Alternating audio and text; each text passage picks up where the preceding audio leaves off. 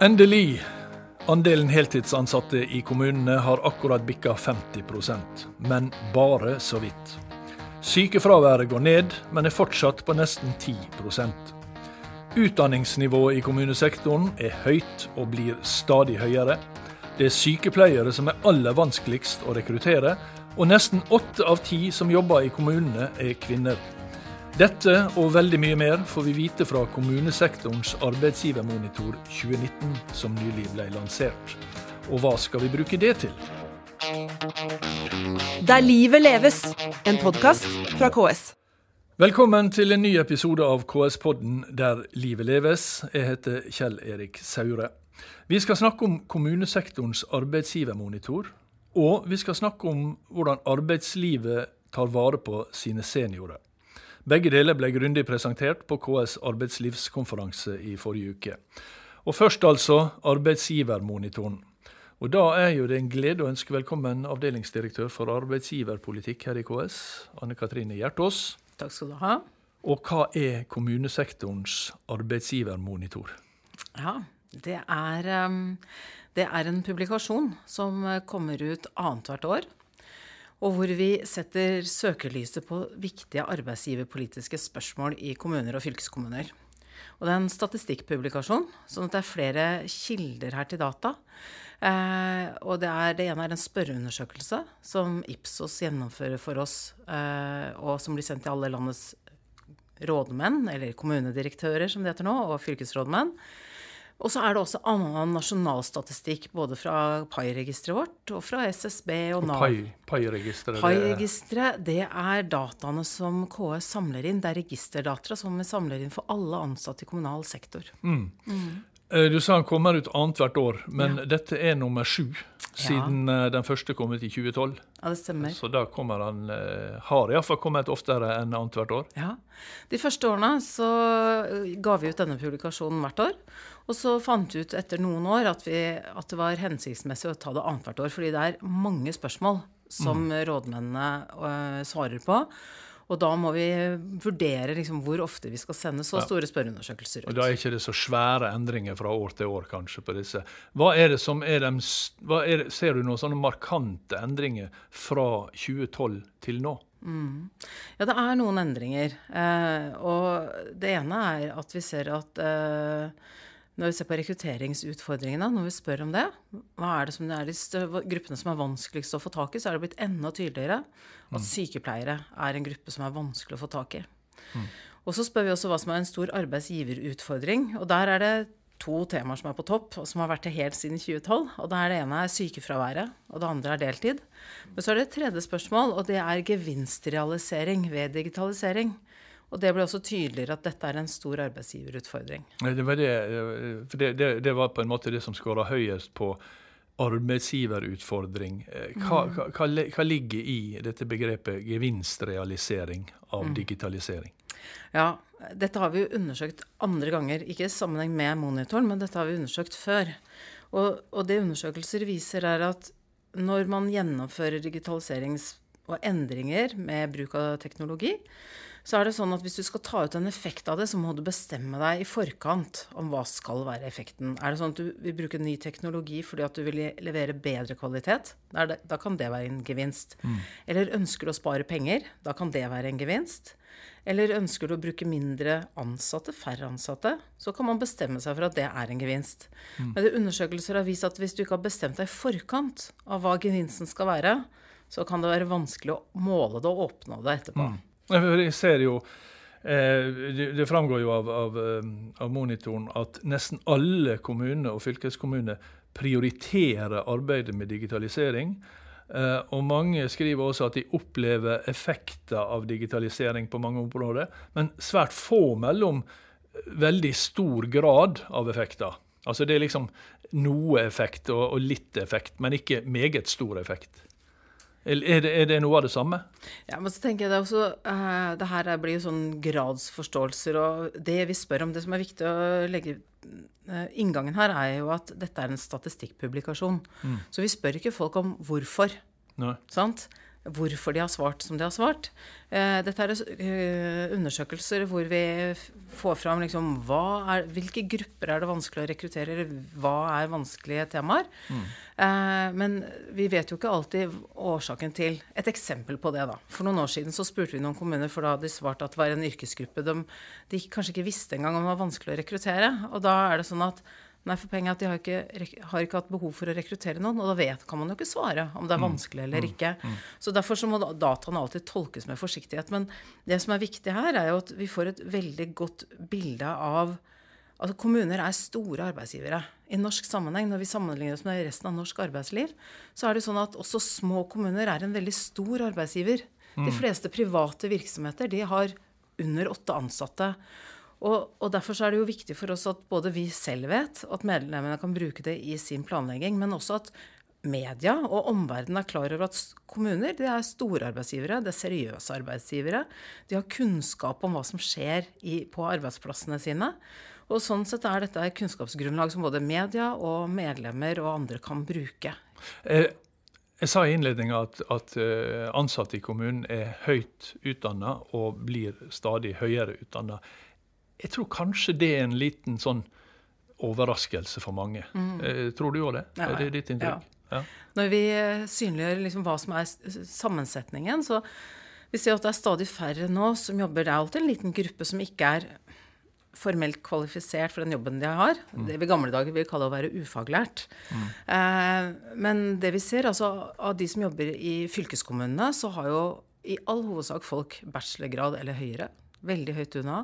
Også på, i kommunene så har vi høy utdanning. Mm. Må tenke hvor mange stillinger som besettes av sykepleiere og lærere. Det er alle høyt utdanna. Så vi, kommunal sektor representerer en del av arbeidslivet i Norge med et høyt utdanningsnivå. Mm. Og det som kanskje er mest slående med kommunesektoren, det er jo andelen kvinner. Altså eh, i norske kommuner da, mm. i, så er altså 78% av de ansatte kvinner. Og det er selvfølgelig særlig helse- og omsorgssektoren og oppvekstsektoren som er totalt kvinnedominerte. Og unntaket er teknisk sektor, der to av tre er menn. Så det er jo ganske tradisjonell eh, arbeidsfordeling i norske kommuner, da. Ja, det er en tradisjonell arbeidsfordeling i hele norsk arbeidsliv. Mm. Det er ikke mange år siden NHO gikk ut og sagt at, sa at de nå ville rekruttere flere damer. Og, og, det vi ser, er at i Norge har vi et tradisjonelt utdanningsmønster, som igjen også gjør at vi får tradisjonelt fordeling i arbeidslivet. Og mange av de flotte ansatte vi har, har jo tatt utdanninger som peker seg nettopp mot kommunal sektor. Mm. Eh, eller pleie og omsorg, hvor vi har en vesentlig andel. Og det er jo mm. fint at vi har veldig mange flinke damer i vår sektor. Det er vi veldig glad for. Mm. Og så tar jo damer også stadig høyere utdanning. Eh, og når vi da er en sektor med høyt utdanna, så henger jo disse tingene sammen. Ja, disse tingene henger sammen. Henger det også sammen med at det er et ganske stort sykefravær i, norsk, i, i kommunesektoren, og særlig i kommunene? Og særlig ja. i disse yrkene? Ja, det henger nøye sammen.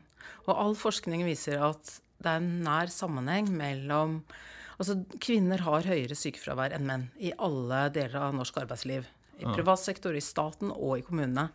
Eh, men når vi i vår del av arbeidslivet er nesten 80% ansatte, så betyr jo det forklarer også en del av at kommunal sektor har et høyere sykefraværsnivå, fordi at damene da er Så da, det, da, da, er det på en måte da er det mye mer fornuftig å, å se hvordan vi kan eh, Altså å sammenligne eh, sykefravær blant kvinner Eh, i, enn å sammenligne sykefraværet fra sektor til sektor. Ja. ja. og Derfor så er det nå i den nye avtalen som ble vedtatt i desember i fjor.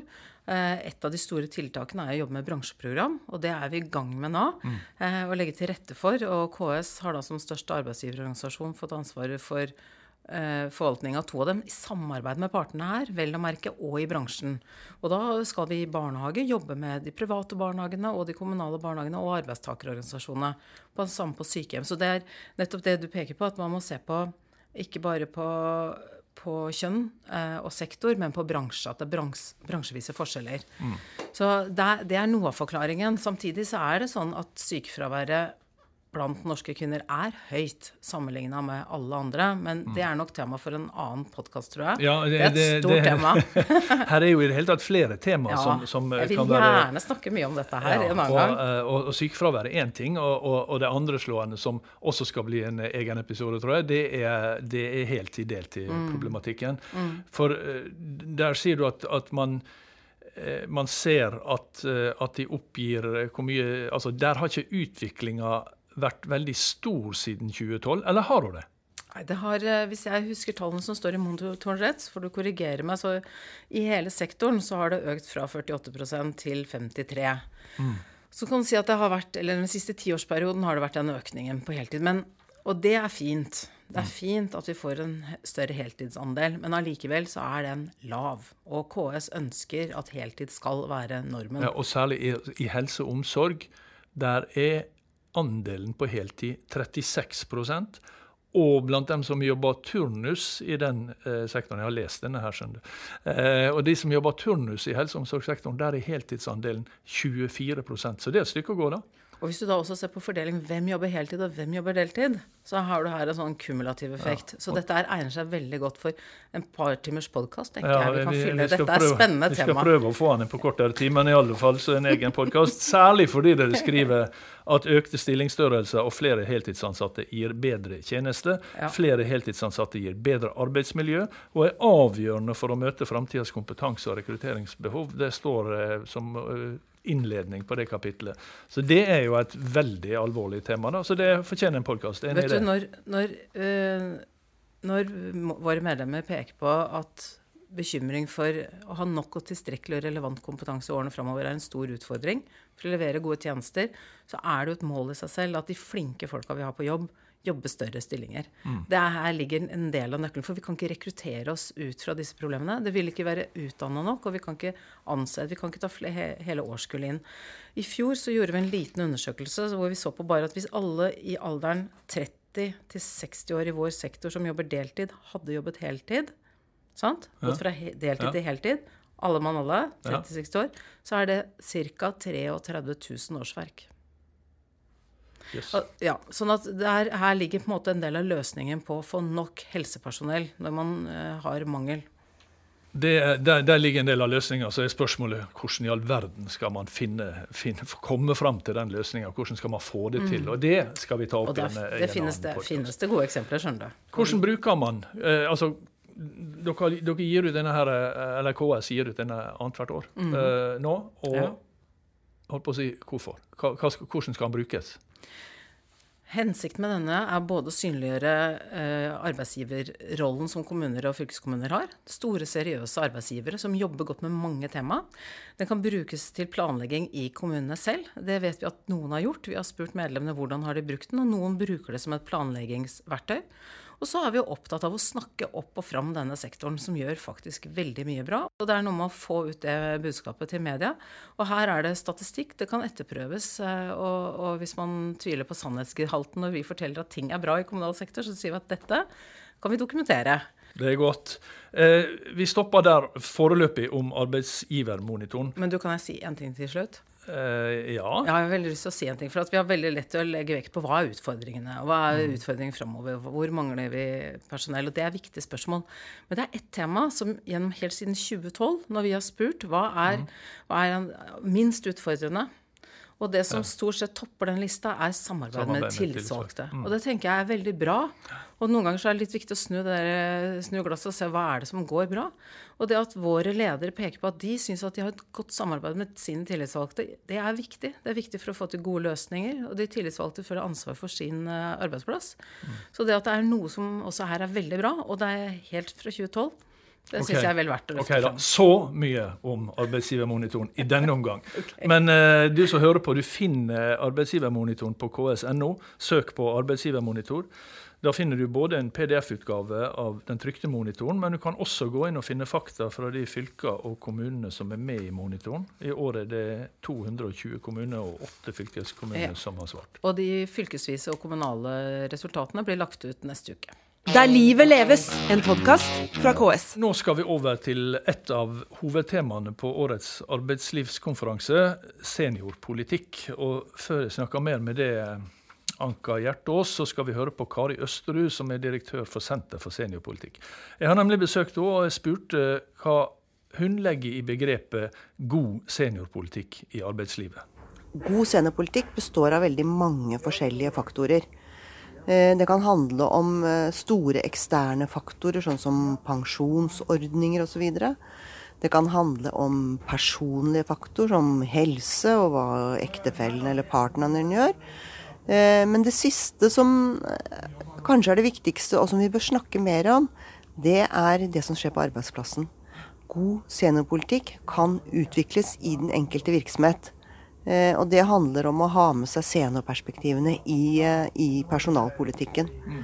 Men altså, dere gir jo ut en sånn seniorpolitisk barometer. Mm. Um, og på den siste barometeret som kom, så, så, så, viser vi vel egentlig at det er veldig positive holdninger til seniorer i arbeidslivet, både i privat og offentlig sektor. Så hva er egentlig problemet? Eh, jeg vil ikke si at vi har et stort problem, for du har helt rett i at utviklingen har gått i riktig retning. Holdningene til å jobbe lenger, holdningen til å beholde seniorene lenger, er, blitt, er mye mer positive nå enn det var for 15 år siden. Og interessen hos folk for å jobbe lenger er også høyere. Utfordringen er at uh, utviklingen går ganske saktere. Ganske sakte, og den går mye saktere enn endring i demografi. Min bekymring er at vi får oss en overraskelse om et sted mellom fem til ti år når den egentlige eldrebølgen slår innover arbeidslivet. Mm. Eh, hvis man da ikke har strategier for å beholde og ikke minst utvikle de seniorarbeidstakerne man har. Men eh, hva er det største problemet? Er det at folk ønsker å gå av med pensjon, eller er det at arbeidsgivere ønsker at folk skal gå av med pensjon? Det største problemet er nok at det er en viss avstand mellom hvor lenge folk sier de har lyst til å jobbe, og hvor lenge de faktisk jobber. Eh, og så tror jeg det er ulike årsaker til det. Men eh, det er ikke til å stikke under en stol at dette kanskje handler litt om holdninger. Eh, seniorer er kanskje ikke egentlig de mest populære medarbeiderne. Eh, og klart at det f.eks. kan hende at det skjer aldersdiskriminering i forbindelse med omstilling og rekruttering f.eks. Jeg tror ikke det er veldig utbredt, men det forekommer. Så det å være klar over at vi kanskje eh, forholder oss mer til myter og stereotypier da, om eldre arbeidstakere istedenfor fakta, det er kanskje den største utfordringen. Mm. Men altså det at, det at, det er større avstand mellom når folk sier de skal gå av, og når de går av, er det, er det, kan det være litt av det samme vi ser igjen i, i barometeret? da, At folk gir uttrykk for mer positive holdninger til eh, seniorarbeidstakere enn det det faktisk er? Ja, altså i, så, i, sånne barometerundersøkelser, og det gjelder jo sikkert litt i arbeidsgivermonotoren også, så tror jeg vi er litt sånn politisk korrekte. Mm. Eh, og kanskje ikke helt ærlige. Eh, for jeg tror at når det virkelig røyner på, Altså når bedriften skal omstille, når man skal ansette en, eh, en, en ny medarbeider, så tror jeg seniorene er mer utsatt i, i, for å få tilbud om sluttpakker. Jeg tror det sitter langt inne for mange rekrutterere å innkalle folk over 55 år på intervju. Sånn at det kan bli litt mer festtaler enn eh, en praktisk politikk, rett og slett. Jeg synes, eh, altså, Den virkelig slående forskjellen på, mellom uh, offentlig og privat sektor i det, i det siste barometeret var jo på, på spørsmålet uh, om virksomheten har en per personalpolitisk strategi for å beholde og videreutvikle seniorarbeidstakere. Der svarer 71% av de offentlige at det har de, mens bare 33% av de private virksomhetene sier at de har det. Eh, ser dere dette igjen i f.eks. i avgangsalder? Eh, avgangsalder har jo nå blitt ganske lik i offentlig og privat sektor. Men eh, det har eh, egentlig helt frem til siste tiden vært høyere avgangsalder i offentlig sektor enn privat. Nå har den økt veldig i privat sektor, eh, men det, det, vi kan si er at det er de tatt i en offentlig sektor. Så det kan nok tenkes at eh, ledere i offentlig sektor og, og, og offentlige virksomheter er flinkere på scenepolitikk. Det er eh, mye som tyder på det. Men, eh, også, men det er nok flere i privat sektor enn 30% som er ansatt i en bedrift hvor de har scenepolitikk. Fordi de store virksomhetene i privat sektor ligner ofte på, de, på offentlig virksomhet. Da. Så, ja, så det er også et element å ha med seg. Mm. Men vi har jo dette perspektivet med, med, med altså, hvor mye arbeidskraft som trengs og, og alt dette. Men så har du det andre perspektivet. Da. Det er jo altså fra, fra den ansattes side. Altså folk er pensjonister mye lenger enn før. Er det så rart, syns du, eller er det negativt at folk kanskje har lyst til å, å gjøre helt andre ting som de ikke har fått tid til mens de var i jobb, eller mens de var i den jobben? Nei, jeg, jeg syns ikke vi skal moralisere over folks valg om pensjonering, og det er veldig viktig for meg å si. Eh, fordi eh, det er faktisk en rett du har til å gå av med pensjon. Så jeg tenker at uh, utfordringen er å bruke litt mer gulrot enn pisk. da. Gjøre det mer attraktivt å fortsette lenger i jobb. Eh, gjøre det mer attraktivt for arbeidsgiver å satse på seniorer. Eh, fordi eh, til syvende og sist så er det jo sånn at hvis du kan velge mellom jobb eller pensjon, og du vil greie deg godt om du går av med pensjon. Hvis jobben ikke er et bra sted å være, så vil jo pensjonsvalget bli veldig opplagt for mange. Så jeg, jeg tror at vi må, vi må sette inn støtet der det skjer, og det er på arbeidsplassen. Det er ute i virksomhetene. Eh, Og det handler veldig mye om at seniorene f.eks. får være inkludert. eh, Får lov å være med på nye prosjekter. Får være med å innføre nye arbeidsprosesser og ny teknologi. I det ligger det masse læring. Eh, Sånn at vi ikke tror at det nye arbeidslivet bare skal være for de unge. Men at vi også må inkludere seniorene i fremtidens planer da, for, for virksomheten og for bedriften. Så langt, eh, Kari Østerud. Litt mer festtaler enn praktisk politikk, sa hun. Eh, Anka Hjertås, du er jo fortsatt gjest her i KS-podden. Eh, kjenner du deg igjen i det? Ja, nja Nei, det, jeg kan ikke si at jeg kjenner meg igjen i det. Men det jeg vil si er at jeg har veldig stor respekt for eh, den kunnskapen som Senter for seniorpolitikk har. De jobber veldig godt. Vi har et godt samarbeid med dem, hatt i mange år. Og, og de, kjenner dette, de kjenner dette feltet veldig godt. Så når Kari Østerud sier at sånn kan det være at de opplever det, så, så tar jeg det på største alvor. Men det jeg så vil si, er at vi ser jo at uh, i den forrige IA-avtalen så var faktisk sånn at i kommunal sektor så nådde vi målene da med økt avgangsalder. Og i kommunal sektor så er det altså en positiv holdning, viser alle undersøkelser, til uh, seniorarbeidstakere. Så Men nå hadde privat sektor tatt igjen offentlig sektor i avgangsalder. Uh, Så da, da har iallfall privat sektor gått, gått fortere frem, da, eller hatt større framgang. Ja, eller de har tatt igjen for oss som lå på et veldig godt nivå. Eh, og, og det tenker jeg at det, det, er- så det er mange grunner til at vi har sett denne endringen med økt avgangsalder. Og noe av det kan jo selvfølgelig spores tilbake til endringer i pensjonsreformen. Men det vi har lagt eh, vekt på i denne undersøkelsen, hvor vi har fått bruke data fra, fra Senter for seniorpolitikk sitt eh, barometer, og så har Ipsos gjort en egen undersøkelse for oss, har jo vært å ikke gå så mye inn på, på pensjonsreformens effekter, men å se på hva, hva betyr holdninger for eh, seniorer i arbeidslivet. Og det tenker jeg er viktig, fordi uh, her kan vi gjøre ganske mye på hver enkelt arbeidsplass. Og det er der det gjøres. Fordi uh, du og jeg kan jo velge de valgene vi vil, vi, uavhengig sant, av, uh, av det som skjer i arbeidslivet. Men hva kan lederne gjøre når pensjonsreformen er som den er? Hva, kan, hva mer kan du gjøre på Og det, det, arbeidsplassen? det sa jo Østerud, da, at hvis du, hvis du har da mulighet til å velge om du skal gå av med pensjon eller fortsette å jobbe, så handler veldig mye om hvordan du har det på jobben. Hva blir KS, sin, hva blir KS opp, uh, sitt bidrag for, å, for at folk skal velge å stå lenger i jobb, hvis det er et poeng? Det er jo sånn at uh, det er gøy å være på jobb når lederen eh, gir deg oppmerksomhet og tilstedeværende. Du føler at du leverer noe som betyr noe.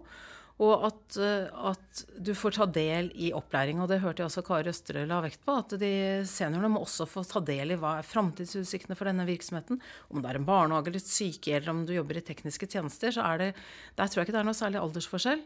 Vi liker å føle oss verdsatt. Og så viser all forskning at det vi ansatte liker veldig godt, det er å ha autonomi i jobben. Vi liker å kunne ha innflytelse på oppgavene våre, og det tror jeg er helt aldersuavhengig. Dette syns jeg var en veldig flott sluttappell. Takk til deg, Anne Katrine Hjertås, for besøket i KS-podden Der livet leves. Direktør for arbeidsgiverpolitikk i KS, er du altså. Og takk til direktør ved Senter for seniorpolitikk, Kari Østerud. Vi kommer altså tilbake til flere av temaene som har vært, eh, vi har vært innom i, i, i denne episoden, men det blir seinere. Vi som har laga denne episoden, det er Tormod Ugelstad og Kjell Erik Saure. Og vi er tilbake med en ny episode allerede fredag morgen. Der livet leves, en podkast fra KS.